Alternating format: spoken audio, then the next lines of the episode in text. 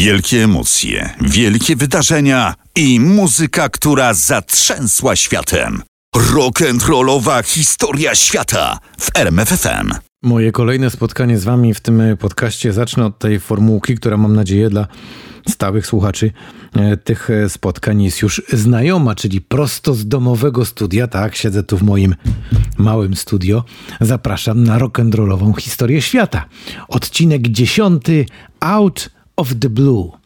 I od razu ostrzegam, że to będzie najbardziej sentymentalna historia z dotychczasowych, które miałem okazję tutaj przedstawić, bo będzie dotyczyła początków mojej yy, przygody z muzyką. Od tego momentu właściwie jak zacząłem słuchać muzyki, jak zacząłem ją łowić w radiu, nagrywać, odtwarzać i przede wszystkim poznawać tę muzykę, którą mam przyjemność do dzisiaj znać i potem wam pewne utwory, yy, płyty rekomendować. Yy, ta historia moja z muzyką właściwie dzieli się na dwie części, dość istotne części, bo podzielę podzielone wydarzeniami, które miały miejsce 13 grudnia 1981 roku. Tutaj chodzi oczywiście o wprowadzenie stanu wojennego, bo oczywiście oprócz tych e, tragicznych i e, potem brzemiennych skutkach wydarzeń dla e, całego naszego kraju, dla ludności w naszym kraju, również były to istotne wydarzenia związane z tym, jak funkcjonowało radio do 1981 roku, do wprowadzenia stanu wojennego i jak funkcjonowało po wprowadzeniu stanu wojennego. Ja dziś będę koncentrował się na tym, co działo się właściwie w samym 81 roku, dlatego że właśnie w 81 roku, mówiąc precyzyjniej 13 lutego 81 roku, tak, dokładnie pamiętam tę datę, kupiłem mój pierwszy magnetofon. To był B113 Capral firmy Unitra, taki malutki czarny magnetofonik, jak ktoś będzie miał ochotę, to jak sobie wygoogluje, to będzie mógł zobaczyć, jak to wyglądało, to cudo. E, jak udało mi się go kupić, biorąc pod uwagę trudność tamtych czasów, e, tej historii, tej myśli nie będę rozwijał, po prostu mi się go udało i go miałem i mogłem nagrywać. W naszym domu rodzinnym było wtedy też radio, które nazywało się tak pięknie, bo Eliza, monofoniczny odbiornik, na którym można było zarówno odbierać e, radiostacje nadające na falach długich, jak i również na UKF, bo miało taką piękną, srebrną, wyciąganą teleskopową antenę. UKF, czyli po prostu dzisiejszy FM. No i na tym UKF-ie można było złapać przede wszystkim stacje, które no, raz, że nadawały muzykę, po drugie, no jakość była zdecydowanie lepsza, bo ten najważniejszy program, jaki wtedy był w naszym kraju, czyli program Pierwszy Polskiego Radia, był emitowany na falach długich, no i stamtąd po prostu nagrywać się nie dało, bo jakość była momentami wręcz fatalna. I wtedy właśnie w ramówce Polskiego Radia był program czwarty, który e, miał w swoim zestawie, w swojej ramówce coś takiego, co nazywało się Studio Stereo Zaprasza. Taki wieczorny program, w którym e, panowie redaktorzy e, prezentowali po prostu całe płyty. Zdobywali je w sobie tylko w wiadomy sposób, bo przecież trzeba pamiętać, że to był czas bardzo trudny dla nie tylko fanów muzyki, ale w ogóle dla wszystkich. Właściwie nic nie było w sklepach, ale udawało się w jakiś sposób dzięki łańcuchowi ludzi dobrej woli zdobywać te płyty, dostarczać je do Polski, dostarczać je do właśnie polskiego radia i potem można było je emitować na antenie. W tamtych czasach e, te płyty były emitowane z e, gramofonów, e, to były płyty winylowe, no bo przecież jeszcze kompaktów nie było. Potem oczywiście jak pojawił się odtwarzacz kompaktowy, to też było wielkie wydarzenie, to już po stanie wojennym, no to wtedy oczywiście przeszli do emisji muzyki z płyt kompaktowych.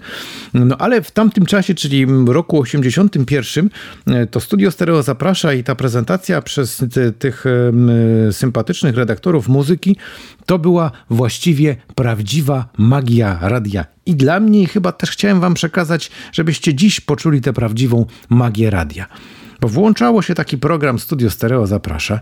Nie miałem pojęcia o muzyce. Nie znałem języka angielskiego, bo przecież w szkole mnie uczyli tylko rosyjskiego.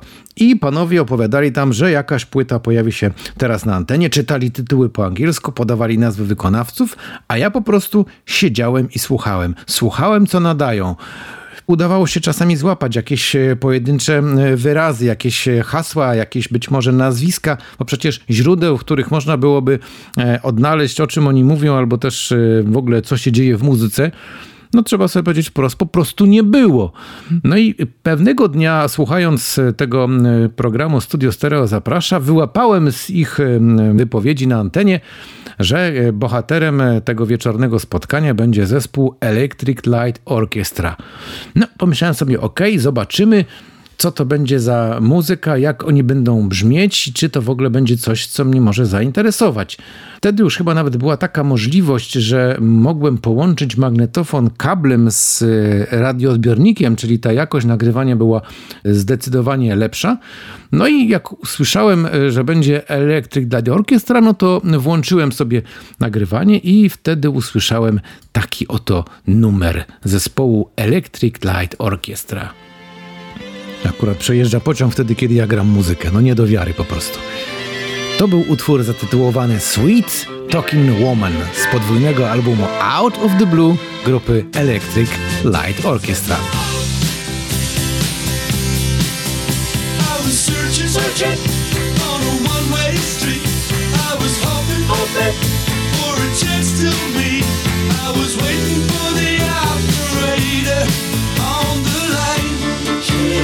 So wrong. What can I do? Where could she be? No, no, no.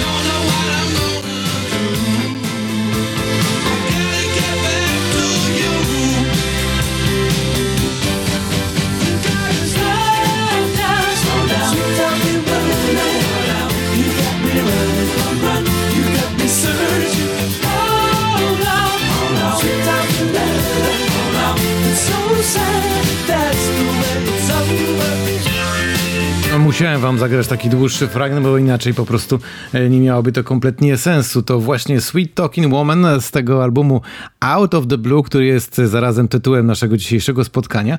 I właśnie ta prawdziwa magia radia. Człowiek łapie taki kawałek, słyszy tę niesamowitą muzykę, choć oczywiście w wersji monofonicznej z jakiegoś małego radyjka, no to nie była taka potęga dźwięku, ale jednak to już działało na wyobraźnię. No i przy okazji, jak słuchałem tej audycji Studio Stereo Zaprasza, to wyłapałem, że jednym z członków grupy Electric Light Orchestra jest e, Mick Kamiński grający na skrzypcach, więc to tym bardziej było dla mnie jeszcze takie, e, nazwijmy to, mocno kręcące, że to przecież jakiś tam nasz rodak e, zrobił taką karierę, jest tak popularny, że gra w takim znanym zespole. No i trzeba tutaj jeszcze jedną rzecz podkreślić, że właśnie takie pierwsze doświadczenia muzyczne w takiej, no powiedziałbym dziś fatalnej jakości, bo przecież słuchanie muzyki w mono z małego magnetofonu, czy też z małego radyjka, to nie jest jakiś jakieś mistrzostwo świata. To nie jest coś, co sprawi, że człowiek od razu e, jakoś czuje się tym zafascynowany, ale jednak to wtedy działało. I tu podkreślam raz jeszcze, to jest ta właśnie magia radia, ten sposób słuchania muzyki, w której nic nie zaburza tego, co do was dociera, nie ma żadnych informacji, o niczym człowiek innym nie myśli, tylko właśnie o tym, że coś leci z radia. I coś e, może być potem e, również pewnego rodzaju przepustką i wskazówką do muzycznych fascynacji przez całe życie bo tak właśnie e, było u mnie. No i oczywiście jak słuchałem tego Elo wtedy w tym studio stereo zapraszam, no to koniecznie chciałem wiedzieć więcej i po kilku miesiącach w jakiejś gazecie, na pewno nie muzycznej, e, trafiłem na artykuł właśnie o Electric Light Orchestra, no i już się dowiedziałem znacznie więcej, że Out of the Blue to był podwójny album, nawet było takie zdjęcie tej niesamowitej kosmicznej okładki, czyli taka stacja kosmiczna, do której wlatuje odrzutowiec. Przypominam, to był album z roku 1977, a więc na tamte czasy czasy to też był pewnego rodzaju, no trochę przeskok taki przede wszystkim graficzny, ale również e, taki jeśli chodzi o wyobrażenia, o to, co też można zrobić z tą muzyką. Faktycznie z tą muzyką e, czasem można było gdzieś tam e, odlecieć w kosmos. Zresztą ktoś pisząc właśnie ten artykuł o Elo zwrócił uwagę na jeszcze jeden utwór, który chciałem wam dzisiaj z płyty Out of the Blue zaprezentować. To można powiedzieć taki kawałek, który jest no powiedzmy częściowo tytułowym utworem. Mr. Blue Sky. Posłuchajcie, co tu się dzieje.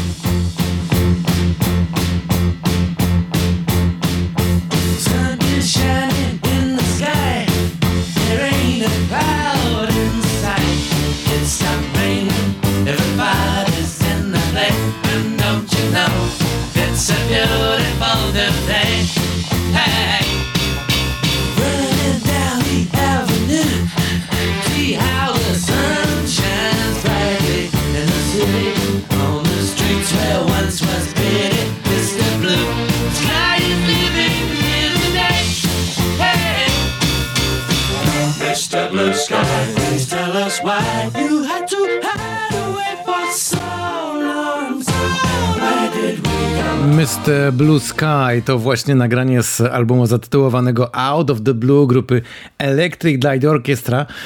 To przede wszystkim jedna rzecz, którą trzeba tutaj podkreślić, to to, że kierownikiem tej wielkiej orkiestry był Jeff Lynne, facet z niesamowitą muzyczną wyobraźnią, y, umiejący łączyć po prostu rock and rolla z muzyką symfoniczną, co wtedy też było pewnego rodzaju wydarzeniem i co e, równie istotne chyba później próbowano wielokrotnie naśladować ten sposób, ten styl i tego typu patenty, no ale nie wszystkim się to udawało tak jak e, człowiekowi, który nazywa się Jeff Lynne. Zresztą o nim dzisiaj jeszcze wiele dobrych słów wpowiem, ale teraz wrócę na chwilę do radia, bo to jest ważny wątek cały czas. I właśnie w tym e, radiu w programie czwartym oni tam chyba co tydzień prezentowali właśnie jedną płytę z e, wtedy już bogatej dyskografii Electric Light Orchestra. No i ja próbowałem je nagrywać, ale tak się zdarzyło, że jedną z późniejszych po Out of the Blue płyt, czyli album Discovery, po prostu przegapiłem. Już nie wiem, co wtedy było, czy może nie mogłem słuchać, może był kiepski odbiór, może coś się wydarzyło takiego, co nie pozwoliło mi na zarejestrowanie tej płyty, na w ogóle nawet poznanie tego albumu. No, ale zdarzyła się kiedyś bardzo ciekawa historia. Mianowicie, będąc u mojej kuzynki, dowiedziałem się, że ona ma coś nagrane na magnetofonie właśnie z Electric Light Orchestra. No i wtedy się okazało, że to jest numer zatytułowany Don't Bring Me Down właśnie z tej e, przegapionej przeze mnie płyty Discovery. No i może przypomnijmy sobie o co chodziło i jaki to jest numer, bo to też jest nieprawdopodobna potęga, choć już trochę inna muzyczna bajka, porównując do Out of the Blue.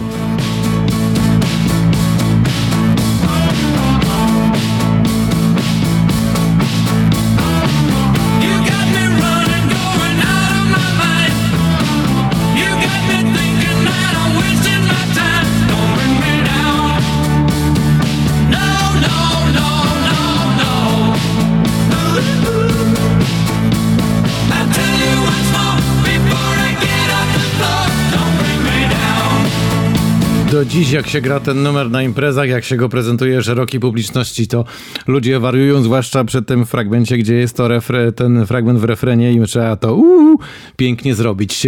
Do Don't Bring Me Down z płyty Discovery oczywiście od razu przegrałem ten utwór od mojej kuzynki na mojego kaseciaka. Tym razem było to przegrywanie nie po kablu, tylko na mikrofon, czyli w moim e, magnetofonie włączało się mikrofon, ona włączała w swoim magnetofonie granie, no i przykładało się mikrofon do głośnika i to się tak nagrywało. To też była jedna z metod y, skuteczna, choć nie zawsze jakościowo dobra. No i potem słuchając w domu tego przegranego utworu, trochę byłem zły, bo na końcu nagrało się naciśnięcie klawisza stop, ale pomyślałem sobie, no trudno, lepsze to y, niż nic, mogłem nie mieć nic niż y, nagranie z takim, nazwijmy to dziś, brudem. Ale po latach okazało się, jak już ta płyta do mnie trafiła w normalnej, kompaktowej wersji, że to naciśnięcie klawisza stop było tam celowo nagrane przez Electric Light Orchestra. Zresztą posłuchajcie tego końcowego fragmentu utworu Don't Bring Me Down.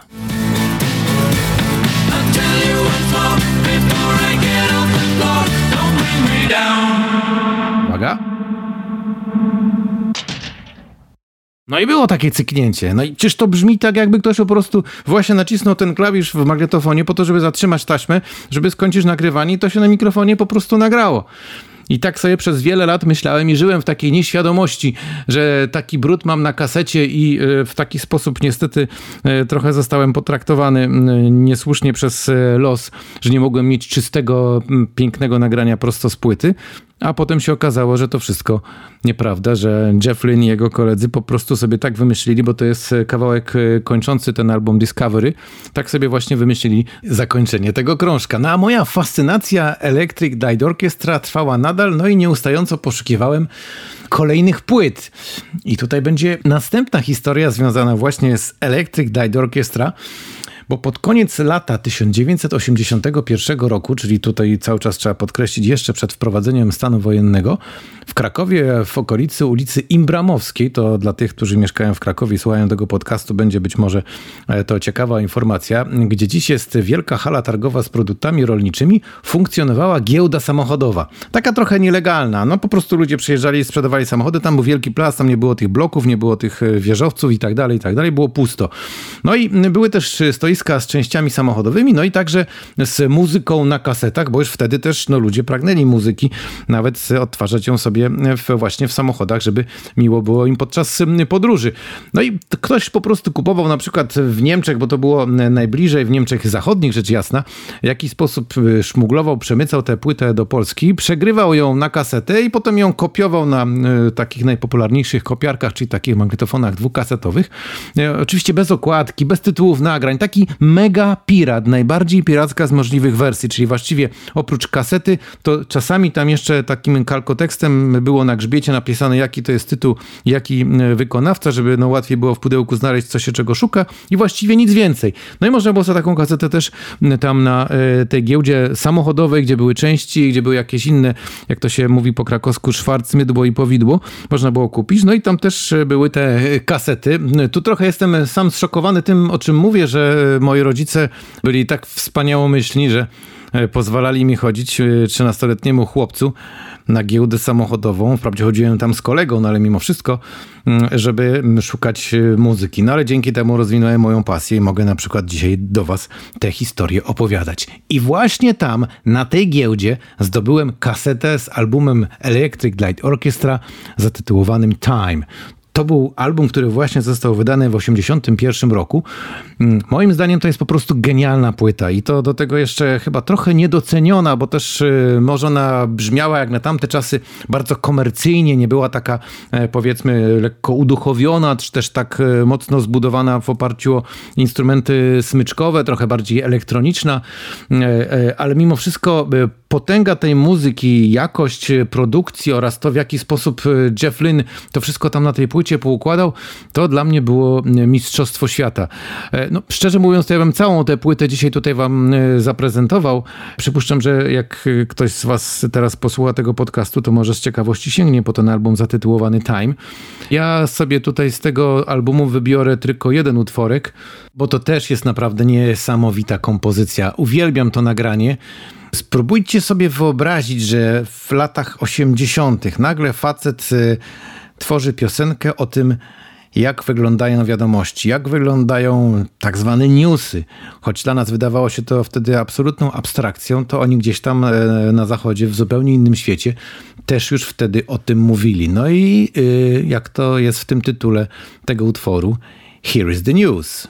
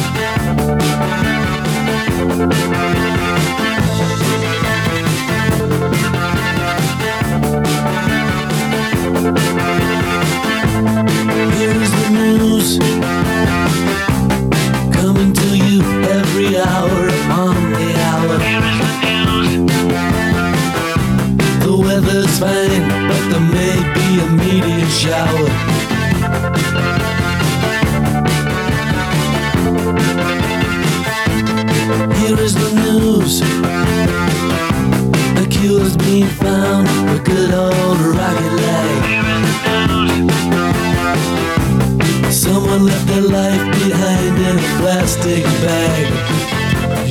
Dłuższe fragmenty niż zazwyczaj, no ale nie mogłem się oprzeć. Musiałem wam przekazać ten chociaż taki dłuższy fragment muzyczny, żebyście e, poczuli ten klimat i być może trochę zarazili się miłością, sympatią i chcieli po prostu poznać e, muzykę, twórczość przede wszystkim Jeffa Lyna, bo to on był mózgiem tego całego przedsięwzięcia. Ci muzycy towarzyszący mu przez lata ciągle się zmieniali, ktoś dochodził, ktoś odchodził, kilku tam było stałych, ale właściwie to on cały czas e, kreował tę rzeczywistość, on cały czas wrzucał te pomysły i on cały czas podpowiadał również chyba branży muzycznej e, na świecie, jak należy podchodzić do muzyki, żeby e, w zależności od tego, w jakim okresie jest tworzona i produkowana, zawsze brzmiała po pierwsze oryginalnie, a po drugie nowocześnie. Zresztą Jeff Lynne właściwie można powiedzieć do dzisiaj pozostał jednym z najbardziej cenionych producentów, ludzi, których po prostu bierze się po to, żeby dobrze zrobił jakiś kawałek. Przecież to on wyprodukował ten słynny numer, o którym miałem też zresztą przyjemność mówić w tych podcastach,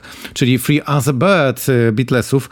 To on ma takie charakterystyczne brzmienie, to właściwie jak się słyszy jakiś utwór, oczywiście ktoś, kto dobrze zna twórczość Electric Light Orchestra, to od razu jest w stanie wychwycić, o, tam Jeff Lynne musiał coś mieszać przy tych utworach. Podobnie przecież było też z e, takim zespołem, który został stworzony przez właśnie Jeffa Lynna, e, Boba Dylana, Toma Petty oraz Raya Orbisona i George'a Harrisona, czyli Traveling Wilburys. I tam też przecież Jeff Lynne wlał w te wszystkie utwory te swoje muzyczne pomysły, te wyobraźnie i ten sposób łączenia tych niektórych dźwięków w taki sposób, że potem gdzieś momentami nawet mnie się wydawało, słuchając albumów y, grupy Traveling Wilburys, że brzmią tam takie e, fajne nuty znane wcześniej z poprzednich płyt grupy Electric Died Orchestra. E, powiem szczerze, że mnie dziś brakuje takiej muzyki i brakuje mi takiego właśnie podejścia, takiego troszkę bezpośredniego, otwartego, żeby e, wziąć to, co gdzieś tam człowiekowi w duszy gra, wystawić to na zewnątrz, obstawić to instrumentami i po prostu to zagrać. Dlatego ja dziś radzę wam, poszukajcie takich płyt i zróbcie sobie taki eksperyment. Może to być z Electric Dial Orchestra, może być zupełnie z jakimś innym wykonawcą. Nie sprawdzajcie kto, nie patrzcie na okładkę, nie czytajcie w internecie co i jak, tylko po prostu włączcie muzykę, posłuchajcie i zobaczycie, co się stanie. Bo ta przygoda i to, co się wydarzyło wtedy w 81 roku, o czym dziś mówiłem w tym podcaście, kiedy chłonąłem tę muzykę bez żadnych innych dodatkowych bodźców, właściwie tylko czekając na to, co się tam wydarzy, co wpadnie do mojej głowy i co sprawi, że e, albo będzie mi się to podobać, albo nie. Dziś jest bardzo trudne do osiągnięcia, choć oczywiście nie jest niemożliwe bo przecież można się od wszystkiego odciąć, można wszystko wyłączyć i można spróbować właśnie w taki sposób złapać trochę muzyki. Dlatego życzę Wam e, wielu wyjątkowych wrażeń muzycznych. Mam nadzieję, że będziecie podobnie muzycznie nakręceni jak ja i będziemy mieli okazję spotkać się w kolejnym odcinku rock'n'rollowej historii świata, bo ono oczywiście powróci do Was tym razem w odcinku zatytułowanym MTV Unplugged. Do usłyszenia.